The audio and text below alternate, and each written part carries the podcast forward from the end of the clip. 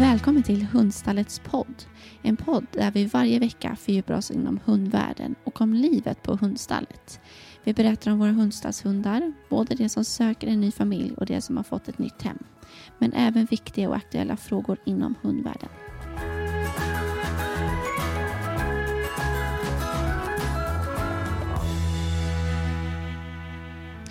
Idag så ska vi prata med Tullverket och om deras arbete. Vi pratar om smuggelhundar, ett otroligt viktigt ämne som kan få stora konsekvenser. Men innan dess så ska jag presentera veckans hund och denna gång så är det Kajsa jag ska berätta om. Kajsa är en snäll och mysig tjej på nio månader. Hon älskar att gå på långpromenader och gärna då med sina hundkompisar som hon också tycker är väldigt roligt att leka med. Eh, hon är väldigt gosig och tycker om att kramas. Eh, hon bjuder på många kramar här på stallet varje dag. Till Kajsa så söker vi någon som vill ge henne all sin tid och kärlek. Hon kan i vissa nya miljöer bli stressad och då behöver hon någon som kan vägleda henne och ge henne den tryggheten som hon behöver. Kajsa är en ung hund som är väldigt aktiv och behöver jobba både med kropp och huvud för att må bra. Hon vill testa på olika typer av hundsporter som exempelvis lydnad eller olika typer av sökövningar. Så länge hon får en uppgift så är hon väldigt nöjd. Vill du läsa mer om Kajsa och skicka in en intresseanmälan? Gå då in på hundstallet.se.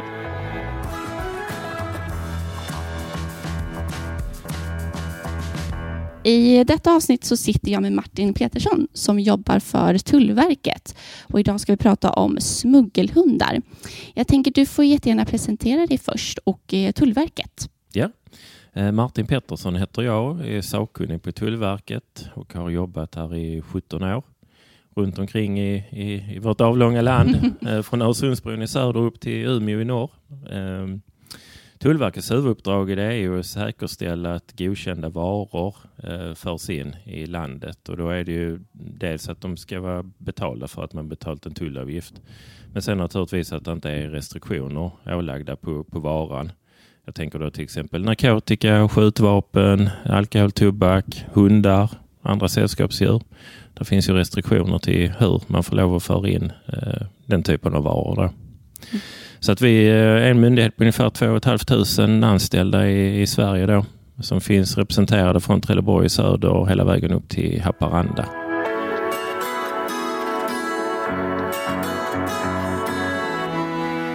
Idag ska vi prata om eh, smuggelhundar. Mm.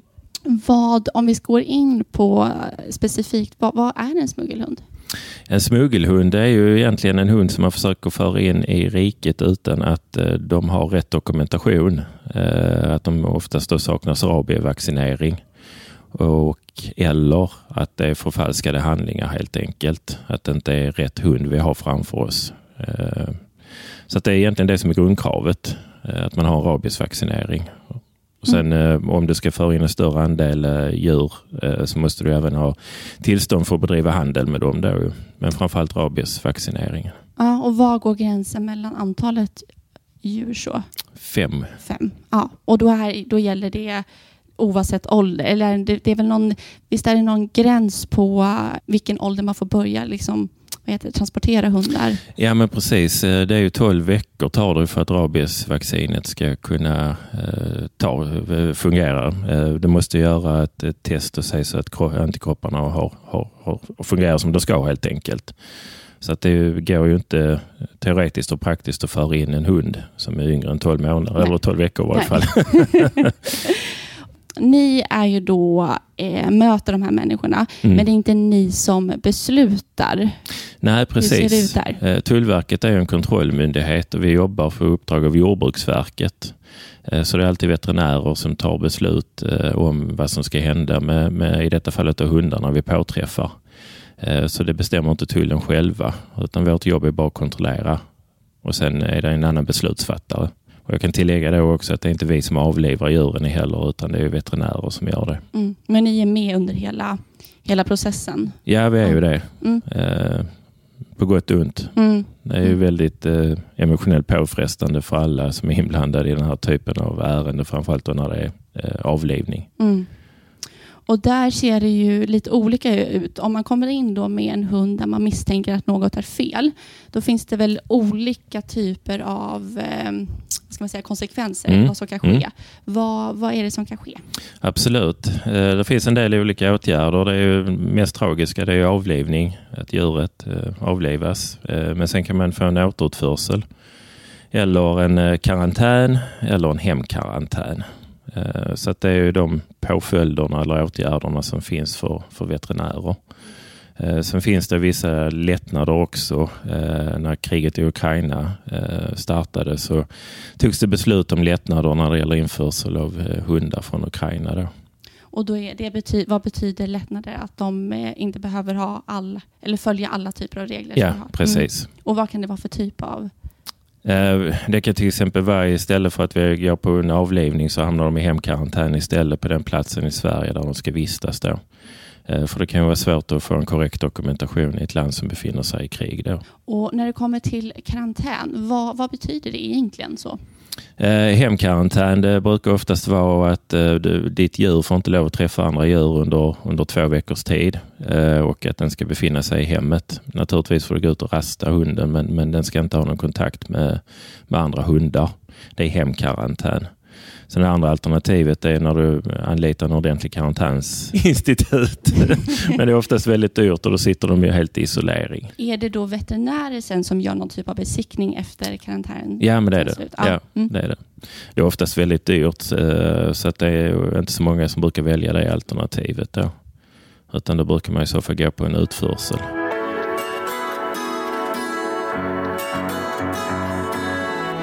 Man ska ju ha olika typer av papper eh, när man eh, reser med en hund. Ja. Eh, och det är väl väldigt många som, just när det kommer till smuggelhundar, har förfalskat papperna. Ja. Hur, hur ser ert arbete ut där? Hur svårt är det att eh, upptäcka det? Eh, det är ju väldigt i vissa fall är det ganska uppenbart. Uh, antingen att då hunden inte stämmer överens med passet för att de antingen har fel tatuering eller chip eller saknar det. Uh, men om vi ska titta på själva handlingarna så är det tungrott idag uh, på grund av att vi har liksom ingen gemensam bank i EU. Jag har förstått det som att det eventuellt är på gång att bli det eh, mellan alla medlemsstater i EU i varje fall och det hade underlättat eh, arbetet. Men sen kan det vara djurpass eller hundpass som inte är utfärdade inom EU. Då. Men, men de flesta hundarna vi påträffar eh, som förs in i ett illegalt syfte, de kommer på ett eller annat sätt från EU. Så det hade ju varit önskvärt att kunna underlätta kontrollerna eh, kring de här handlingarna. Så att, eh, och sen veterinärerna har ju naturligtvis ett ansvar i detta också. Eh, både i Sverige men framförallt kanske i utlandet. Mm. Och just eh, vikten av det här med att eh, men stoppa smuggelhundar och en, liksom ett stort problem är just rabies. Mm. Eh, hur stort, alltså, jag tänker om man ser i nuläget, hur, hur stor risk är det att det skulle kunna ske, att det skulle kunna komma in och vad, mm. vad kan följden bli så? Alltså, tänker man på de länderna där hundarna kommer ifrån så finns det ju rabies utbrett. Uh, och det är det vi inte vill ha hit i, i Sverige. Sen testar ju inte vi uh, hundarna om de bär på rabies eller inte. Uh, så det är svårt att säga liksom, hur stor inströmningen hade varit av potentiellt rabies. Men det fakta kvarstår liksom att i de länderna vi, där hundarna kommer ifrån, där finns det ju liksom utbredd rabies. Så att, och det är ju som sagt det vi vill förhindra komma in. Mm. Finns det några länder så som är, eh, vad ska man säga, att det är större risk för att det är just smuggelhundar där det liksom, mm. ser man någon trend så? Ja, många av de hundarna vi, vi hittar de kommer ju från Centraleuropa, gör de. Uh, Rumänien, Bulgarien, Ungern, där runt omkring. Det finns ju till exempel rätt gott om gatuhundar i Rumänien. där jag själv sett när jag varit iväg på tjänsteresor. Uh, så att uh, det är väl framförallt därifrån. Mm. Sen har det väl inte undgått någon, eh, det finns rätt gott om dokumentärer om de här eh, alltså hundfabrikerna. Där man bara föder upp hundar just i detta syftet till att avyttra.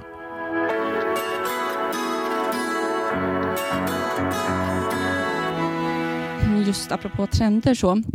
Vi har ju med statistik idag. Mm. Eh, det är från 2019 och till nu. Då. Ja. Vad, vad kan man se för trender där? Vad är det som, hur har utvecklingen sett ut? Ja, det blev ganska tydligt att i samband med corona så ökade ju Tullverkets ingripande med hundar eh, rätt ordentligt. Det dubblerades. Mm.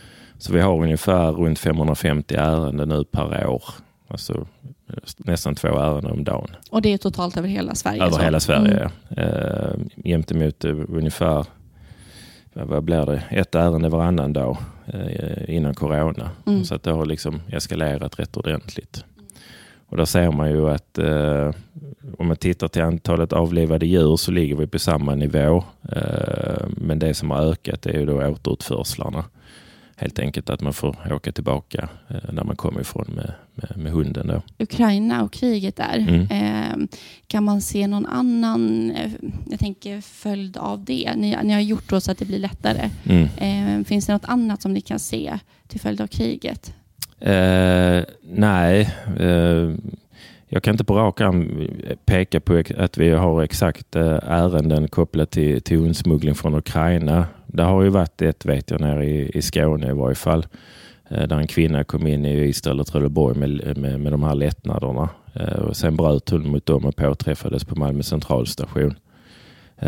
Det, det, vet jag, men jag kan inte något mer ärende på det sättet liksom kopplat till, till Ukraina det, det, är ju som sagt olika eh, typer av hundar då som eh, transporteras så. Vad, eh, vilka öden är det ni möter i Tullverket? Och mm. jag tänker vilket skick hundar, jag tänker att det varierar såklart. Jo men det är klart det varierar men generellt sett kan man ju säga att djuren är i jättedåligt skick när de kommer till oss. Alltför allt för sällan har de varken fått mat eller, eller vatten eller blivit rastade liksom under transporten till, till Sverige. Så de är väldigt tagna helt enkelt och i dåligt skick när de kommer till oss. Så att eh, just att jobba med, med djur överlag är ju väldigt påfrestande för, för tulltjänstemännen. Eh, det finns ju vissa saker som är extra jobbiga att jobba med. Det är ju djur och det är barn. För varken djuren eller barnen kan säga nej. Det är ju nog ingen hund som hade gått med på att bli smugglad till Sverige om de visste att de kunde mista livet. Liksom. Eh, så att det, det, det, det blir alltid jobbigt när det blir den här typen av ärenden. Och framförallt för att det blir beslut om avlivning. Då. För inte allt för sällan, de här smugglarna är ju helt likgiltiga. De skiter i vilket. Ju. för dem är det bara pengar. Och så står veterinären och tullarna och ska ta hand om, om de små liven sen. Mm. Är det många, eh, det har ju varit lite eh, prat så just jag tänker kring eh, tikar som är dräktiga också. Mm. Eh, hur, hur ofta eller kan man se att det har ökat eller inte? Eller ser ni många tikar så som är Ja men precis. Jag har ju sett de uppgifterna figurera också eh, och jag har försökt ta reda på det. Jag kan inte liksom med säkerhet eh, statistiskt säga att det, det har ökat men vi har haft incidenter där vi har haft gravida tikar som har smugglas in eller försökt smugglas in i, i Sverige. Men sen ifall det är, är mer vanligt förekommande nu eller inte, det, det, det vet jag tyvärr inte. Nej. Finns det något vanligt sätt som de transporteras på? Alltså att de är, är det oftast att de sitter i en bur, att det är väldigt många eller är mm. de gömda eller har det förändrats så hur de transporterar hundarna? Nej, utan man försöker ju gömma dem för oss helt enkelt. För ser en tullare en hund i en bil, då vill man ju se hundpasset. Eh, så man försöker dölja dem. Eh, och de sitter ju inte direkt i några hundburar utan man gömmer dem på de sätt man kan helt enkelt. Eh, bagageluckan eh, under sätena i skåpbilar till exempel och liknande. Så att, eh, ja, nej det, det är inte kul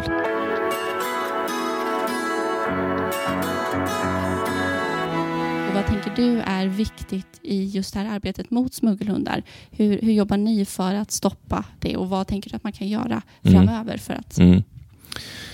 Eh, alltså här, om man tittar till, till, till just smuggelhundar så är det egentligen som vilken legal vara som helst. Man har en tillgång och man har en efterfrågan. Och det vi kan jobba med är att försöka stävja tillgången helt enkelt. Att, man, att det inte kommer in smuggelhundar. Men det man behöver jobba mycket hårdare med det är medvetenheten hos potentiella köpare och därmed då efterfrågan. Att man får rätt sorts efterfrågan. Mm. Um, oftast är det ju så att ifall ett erbjudande är för bra för att vara sant, då är det ju någonting som är fel. Så är det. Alltså jag kan ju inte, om jag hittar en bilannons och en bil kostar 20 000 kronor när jag vet om att jag hade köpt samma bil hos en eh, eh bilförsäljare hade den kanske kostat 250 000. Där borde jag ju då förstå att det kanske är något fel på den här bilen som bara kostar 20. så att, så att det, det, det, är lite där med medvetenheten helt enkelt hos de som funderar på att köpa hund. Sen har det blivit svårare. Priserna har gått upp på smuggelhundar, eh, förfalskade handlingar och liknande. Men någonting jag tycker man ska göra om, om det är så att man går i köptankar, det är att få träffa alltså mamman, tiken, i sin hemmiljö. För där kan man ju ganska då säkert få reda på ifall det är en smuggelhund eller inte. För alla seriösa kennlar, de har ju tikarna. Där har du möjlighet att komma och besöka det. Och köper du hund på ett annat sätt så kräver du att få träffa mamman. Hur lätt är det att eh, upptäcka att pappren är förfalskade? Alltså det är ju det är rätt svårt. Vi har ju haft ärenden, eh, alltså utredning. Oftast blir det ju så här att när vi upptäcker smuggelhundar så jobbar vi oss vidare, alltså på gränsen. Och då kan vi verkställa tvångsmedel och då kanske vi hittar försäljningslistor och annonser och liknande. Och då försöker vi hitta de som har köpt de här hundarna.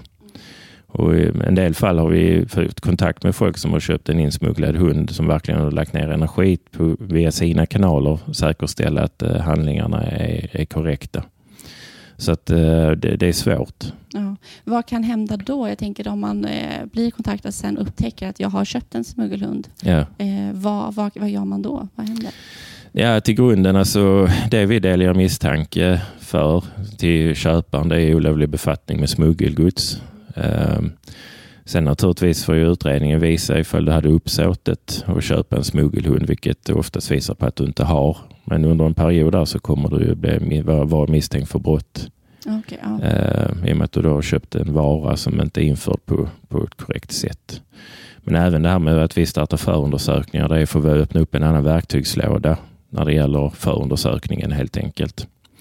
Så att, eh, men eh, visst, sitter man och säger till oss att jag var medveten om att det var en smuggelhund jag köpte, då, då, mm. då har du ett uppsåt. Ja. vad, vad blir följderna då? Vad kan man få? Eh, oftast är det böter. Eh, sen blir det då konsekvenser för djuret. Eh, jag har själv jobbat lite grann med brottsutredning kopplat till smuggelhundar och, och den påföljden som var vanligast då, det var ju hemkarantän. Mm. Eh, och att du skulle testa hunden. Mm. Så att då, de typen av ärenden, men vi har ju haft ärenden där djuren blivit avlivade också. Allting handlar lite grann också kring om tidpunkten från det att hunden förs in till Sverige tills att den är såld, tills att vi påträffar den. Mm. Rabies är ju också väldigt svårt i och med att det kan ju ligga eh, latent, latent ja, ja. under så pass, vad är det väl ändå en ganska lång tid, så ja. det är svårt att upptäcka. Just så.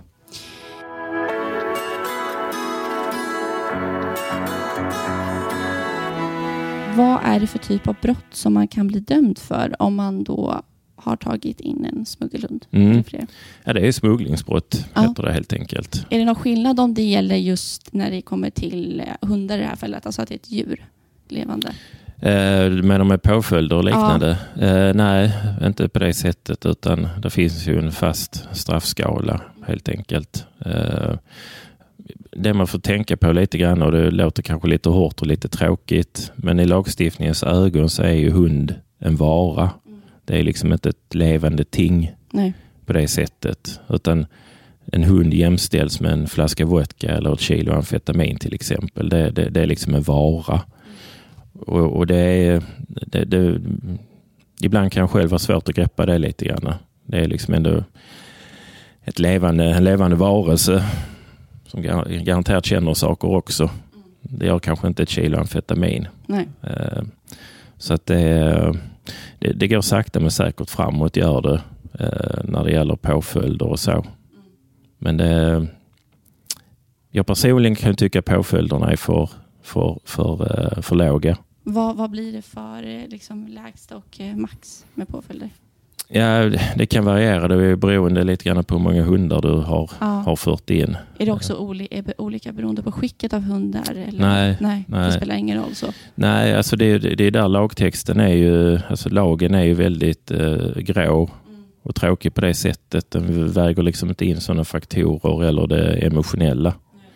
Um, så att det, men jag tycker ändå kunna se genom åren här att det börjat bli en liten förändring i resonemanget hos tingsrätter och liknande kring det. Och vi försöker jobba aktivt med Jordbruksverket också för att få, få till lite ja, förändringar helt enkelt. Både när det gäller kontrollmöjligheter men kanske även påföljder.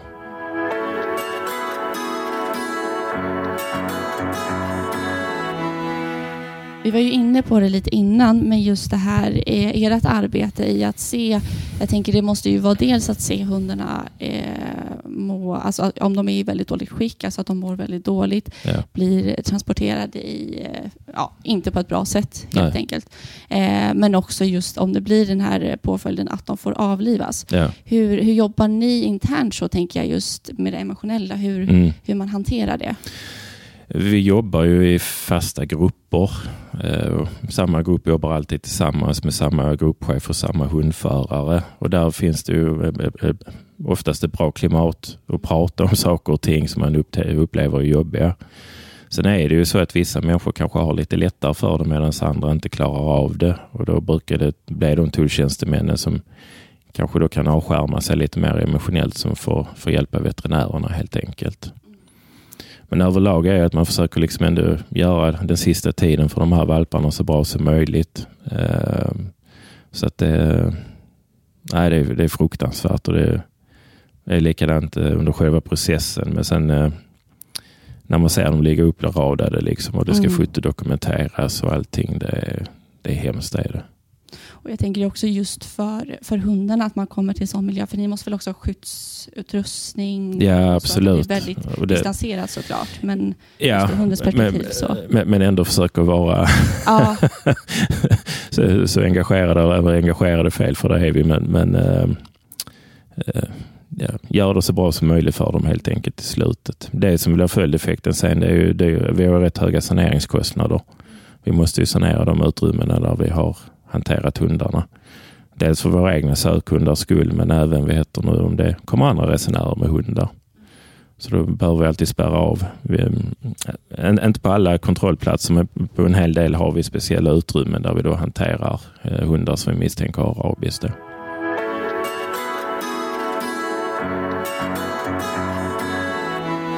alltså, vi var ju inne på det just att så här, finns det ingen efterfrågan så finns det ju inte egentligen problem. Det finns ju inga smuggelhundar. Om folk inte köper smuggelhundar så Nej. kommer de inte kunna... ehm, det är ju inte lönt att smuggla in hundar. Nej, precis. Vad, vi var inne på det lite, men jag tänker att vi ändå ska just eh, poängtera det, att just eh, vad man som hundköpare ska tänka på. Mm. Eh, vi var inne på att man skulle få se tiken, Mm. eh, mamman. Mm.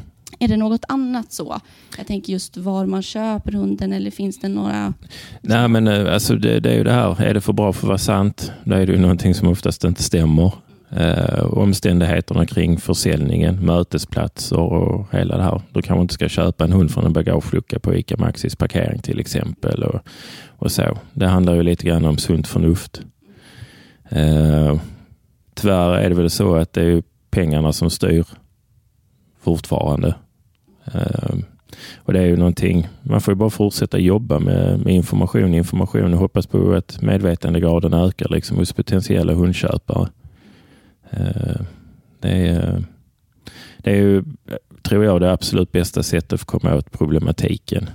Eh, För vi är ju liksom inte hundraprocentiga på Tullverket. Vi, har, vi, vi är 2 500 anställda i, i hela Sverige liksom, som ska jobba med hundar men många andra områden också. Liksom, så att eh, det kommer ju in. Mm. Jag tänker, vi var ju inne, eller vi pratade om det innan så, eh, just de olika platserna Mm. eh, där man kan ta in hund. Eh, och det var ju Arlanda, Trelleborg och eh, Öresundsbron. ja, de toppar statistiken. Det är där Eh, det är flest. Är ja. det att det är flest hundar som eh, åker in eller att det är flest smuggelhundar? Så? Det, är- det, det är där vi vidtar flest åtgärder Ja. helt enkelt. Eh, så mm, det, det jag själv blev lite så när, när- jag såg siffrorna det är ju att Arlanda flygplats sticker ut som det gör. Men det är ju Ja. en av de få platserna i Sverige där du kommer med flyg som du får lov att föra med dig hund helt enkelt. För det var Arlanda och eh, Landvetter. Ja.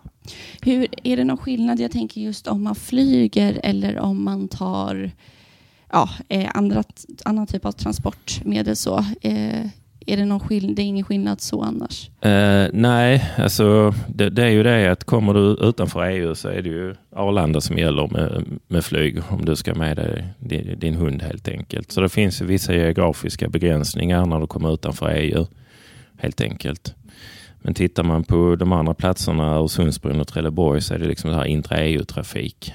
Eh, vi har inga tredjelandstrafik på det sättet där och inom EU är det ju fri rörlighet. Så att eh,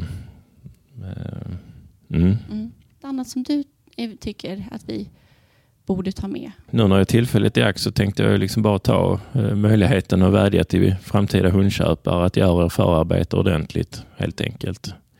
Uh, för det, konsekvenserna finns ju risker. Du, du, kan köpa en fullt frisk hund som lever hela sina 12-13 år kanske utan några bekymmer. Men sen kan mycket väl hunden även bära på någon sjukdom som gör att de avlever ganska snabbt in på det och köpt den och så vidare. Så att eh, bara tänka för en extra vända och gör allt ni kan med förarbete och begär gärna att få träffa tiken, mamman, i samband med det. Träffa dem i hemmiljön. Mm. Super. Stort tack Martin. Tack så jättemycket. Tack, tack.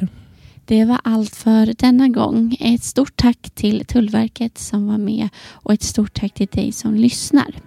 Gilla gärna podden och skriv en session så att vi kan ut till fler. Vi hörs nästa vecka. Hej då!